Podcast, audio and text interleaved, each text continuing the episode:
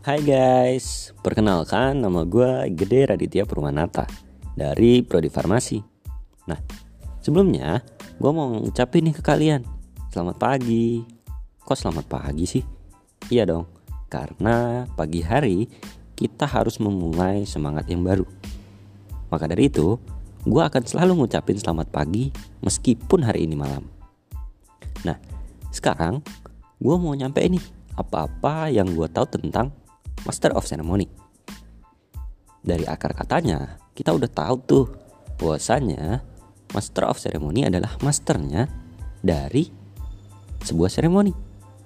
Nah, sekarang gue mau tanya, gimana jadinya sebuah acara tanpa ada MC?